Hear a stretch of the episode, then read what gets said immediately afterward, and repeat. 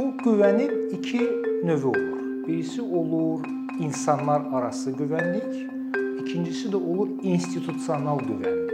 İnstitusional güvənlik o deməkdir ki, siz hansı quruma və necə inanırsınız. Və o cəmiyyətlərdə harda ki, bu güvənlik və inam yüksək olur, o cəmiyyətlər çoxsu olaraq inkişaf olunur.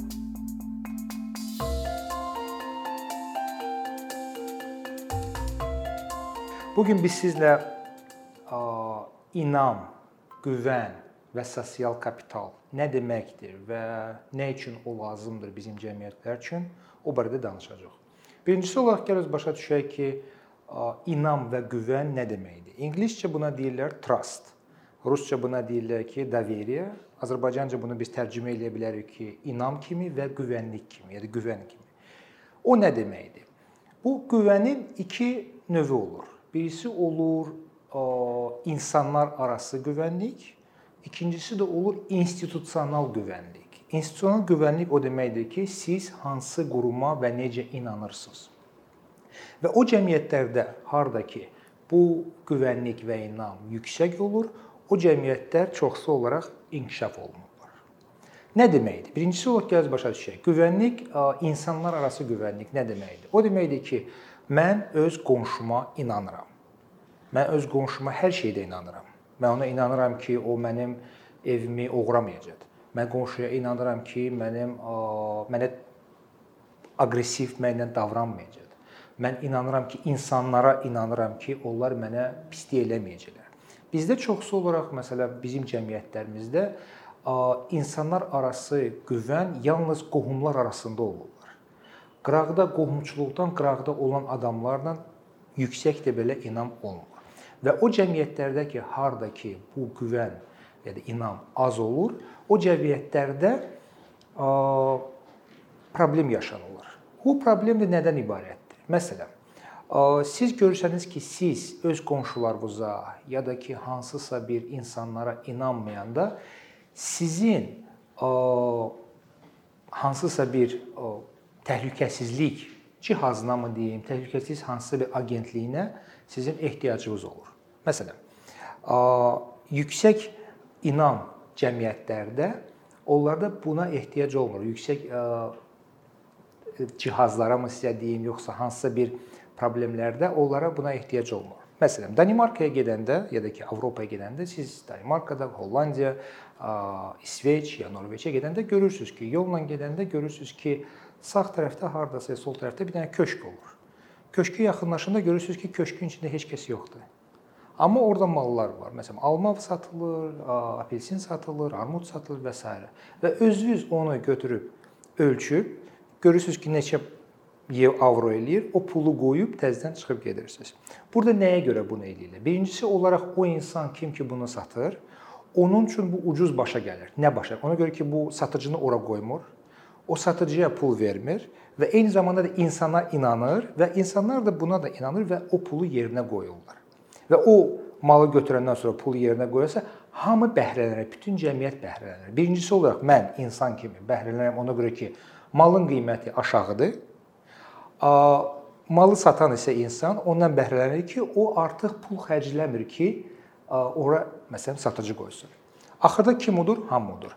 O birisi cəmiyyətlərdə isə harda ki bu inam yoxdur. Onda nə baş verir? Orda satıcı dayanır, orada kamera olur və istər-istəməz artıq bu malın qiyməti qalxmağa başlayır.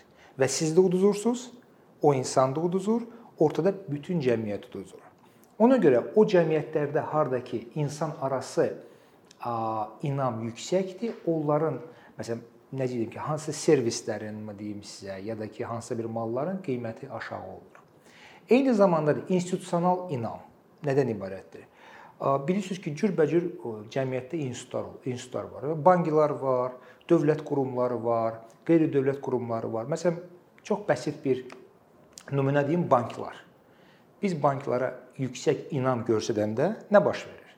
Birincisi olaraq biz öz pulumuzu aparıb ora qoyuruq. Biz banka inanırıq ki, bank bizi aldatmayacaq.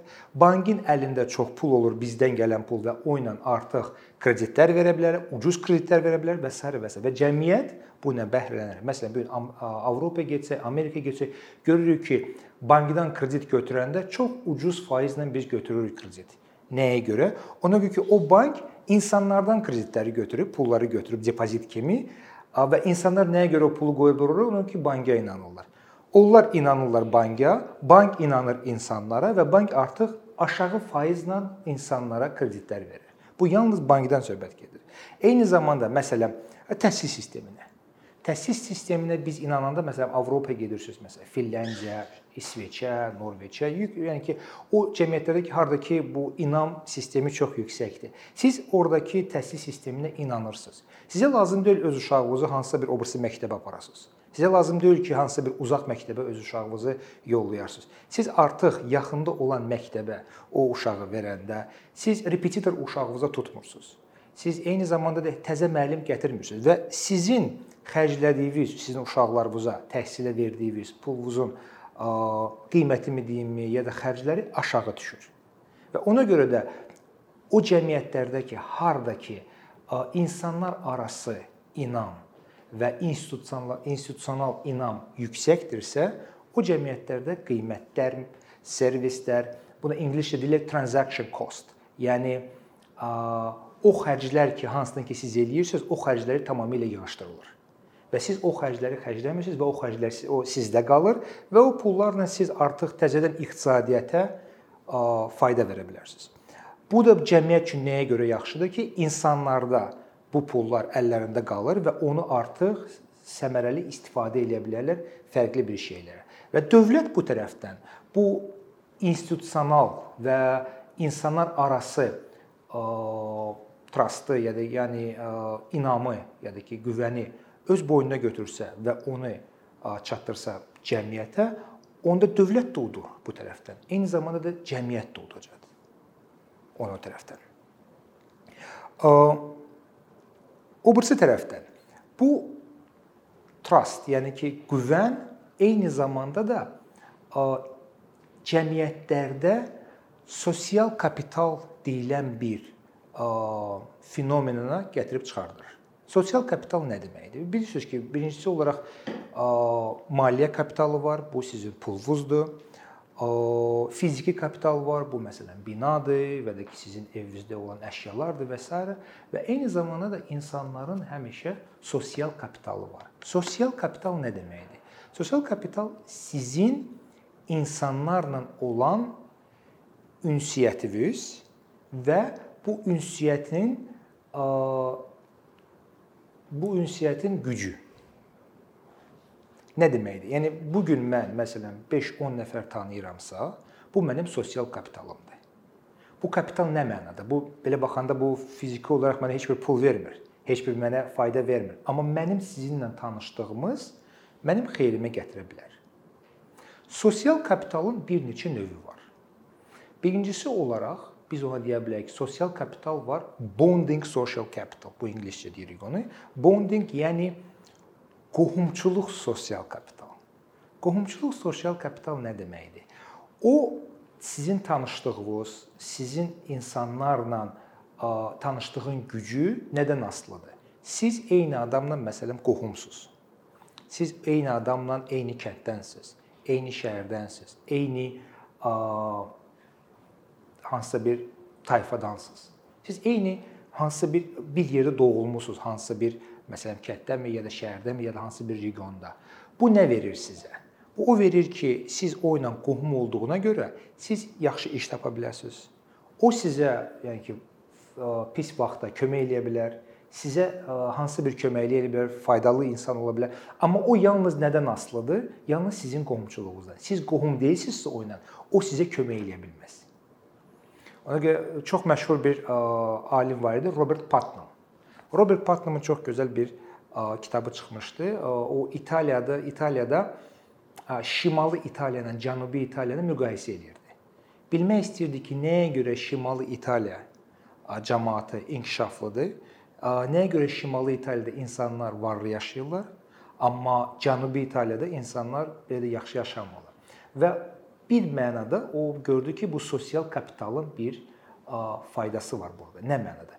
Cənubi İtaliyada sosial kapital necədir? Sosial kapital yalnız çoxsu olaraq qohumçuluq çərçivəsində olan bir kapitaldır. Nə deməkdir?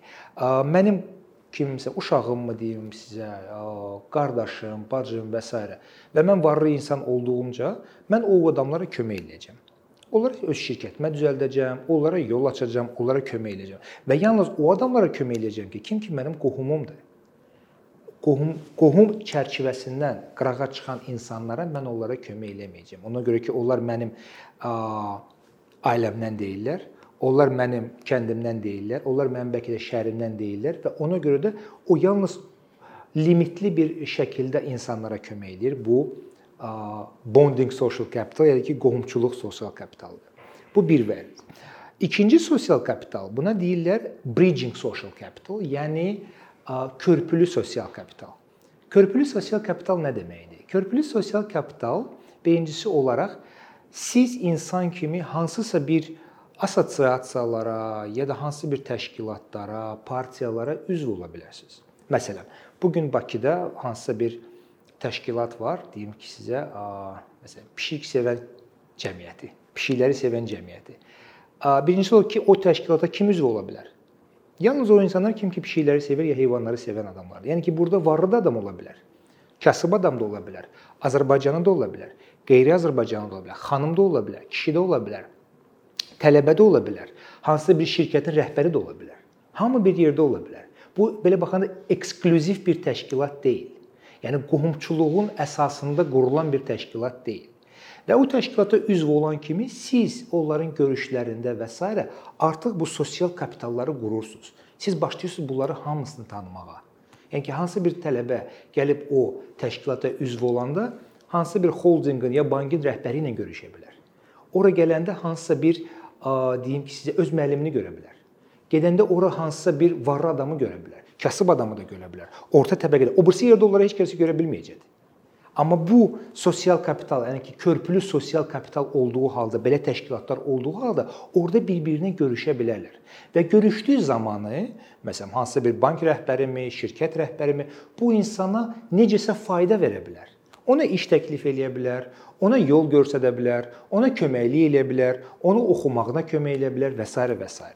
Və o cəmiyyətlərdə harda ki bridging social capital ya da ki körpülü sosial kapital varsa, o cəmiyyətlər inkişaf eləyirlər. Və ona görə də İtaliyanın şimalında siz görə bilərsiniz ki, məsələn, çoxlu bu bridging social capital olduğu halda insanlar tez qabağa gedirlər, tez inkişaf eləyirlər. Amma İtaliyanın cənubunda belə bir təşkilatlar olmadığı halda, amma qohumçuluq sosial kapital olduğu halda yalnız o adamlar inkişaf eləyirlər və qabağa gedirlər, kimin ki qohumu qabağa gedib. Kimin ki qohumu varlıdır. Ona görə iki dənə sosial kapitalın məsələn fərqi bundan ibarətdir. Və təşkilatlar da belə o, o əsasında qurulur. Məsələn, sizin təşkilatınız qohumçuluq səviyyəsində qurulubsa, məsələn bu iki təşkilatın qabağa gələcəyi yoxdur. Yalnız qohumlar orada işləyə bilər və tanışlar bir-birinizi kimsə tanıyırsınız. Amma bridging social capitalda artıq bu bu hər bir insana kömək edə bilər. Məsələn, öz necə deyim ki, sizə öz təcrübəmdən danışım. Amerikada oxuyanda gənc tələbə idim. Bizim şəhərimizdə böyük bir akvapark var idi və o akvaparkda köpək balıqları var idi. Və onlar pul qazanmaq üçün bu akvapark nə etmişdi? Demişdi ki, kim istəyir köpək balığın belindən vurmağı 20 dollara gəlib verə bilər. Biz o köpək balığı ortaya atırıq, siz onun belindən belə vura bilərsiniz. Mən dedim ki, 20 dollar fərqi yoxdur, onu verə bilərəm. Verdim 20 dollar, gəldim və köpək balığı gətirdilər, belindən vurdum. Ondan sonra mənə sertifikat verdilər və dedilər ki, siz artıq köpək balığı belindən vuran cəmiyyətin üzvüsüz. Gülməli gəlir, düzdür? Yəni ki, kimə lazımdır bu? Bir aydan sonra mənə zəng gəldi. Dedi ki, bilirsiniz, bu cəmiyyətin görüşü keçiriləcək. Deyirəm, harda keçiriləcək? Yəni ki, yenə deyirəm ki, köpək balığın belindən vuran insanların cəmiyyəti. Yəni yenə deyirəm ki, gülməli gəlir, amma bunların görüşü keçir və görüşə getdim. Görüşdə də deyim ki, ha, hər cür adam var idi. Evdar qadın var idi. Tələbələr var idi. hansısa bir şirkətin rəhbəri var idi. Hansısa bir avtosalonun rəhbəri var idi. Varlılar var idi, kasıblar var idi, orta təbəqə var idi, dindarlar var idi, ateistlər var idi. Kim istəyirsiniz var idi. Və bir-birimizlə tanış olanda əlbəttə ki, danışdıq, güldük, elədi, amma bir-birimizi tanıdıq. Mən də dediyim kimi açıq-aşkar kasıb tələbə kimi baxırdım görüm ki, bu tanışlıqlardan necə istifadə edə bilərəm. Və hansısa bir o adamla tanış olanda gördüm ki, avtosalonun rəhbəridir. Bu hafta sonu yaxından tanış olduq və s. danışdıqdan sonra dedi ki, nəsə ehtiyacım var, nəyəsə gələcəkdə. Dedim ki, bəli, mən iş axtarıram və s. və s. O adam mənə iş verdi. Mən o adamı bu cəmiyyət olmasaydı tapa bilməyəcəkdim. Və o birisi yerdə onu heç yerdə görə də bilməyəcəkdim. Biz fərqli bir təbəqələrin insanlarıyıq. O yüksək təbəqənin insanıdır, mən kasıb tələbəyəm. Amma yalnız bir-birimizi harda gördük? Bu cəmiyyətdə. Yəni gülməli bir cəmiyyətdir, amma bu gül cəmiyyətdə biz gördük bir-birimizi. Ona görə də bu nəyə görə yerinə gətirirəm, çıxardım. Mən iş tapdım və biraz qabağa getdim, pul da qazandım və s. və s. bu mənə köməklik elədi. Nəinki mən, o birisi adamlar da bir-birini görürlər. Və cəmiyyətimizdə biz başa düşməliyik ki, nə qədər çox bizim cəmiyyətimizdə belə assosiasiyalar var, belə təşkilatlar var, belə görüş yerləri var ki, harda ki hər bir necə deyim ki, təbəqədən insan gəlib çıxsa ora hamıya burada fayda olacaq. Eyni zamanda nəinki varlı adama, nəinki kasıb adama, eyni zamanda varlı adama da və s. və s. Məsələn, çox gözəl bir kino var idi Amerikanın Pursuit of Happiness, yəni xoşbəxtliyin arxasıca gedərkən deyəsən belə tərcüməsi gedir. Orada məsələn Will Smith oynayır və bəxti heç yerdə gətirmir tamamilə heç nə edə bilmir. Amma axırda nə olur? Onun oğlu ilə bir varlı adamın oğlu bir yerdə beyzbol oynayırlar.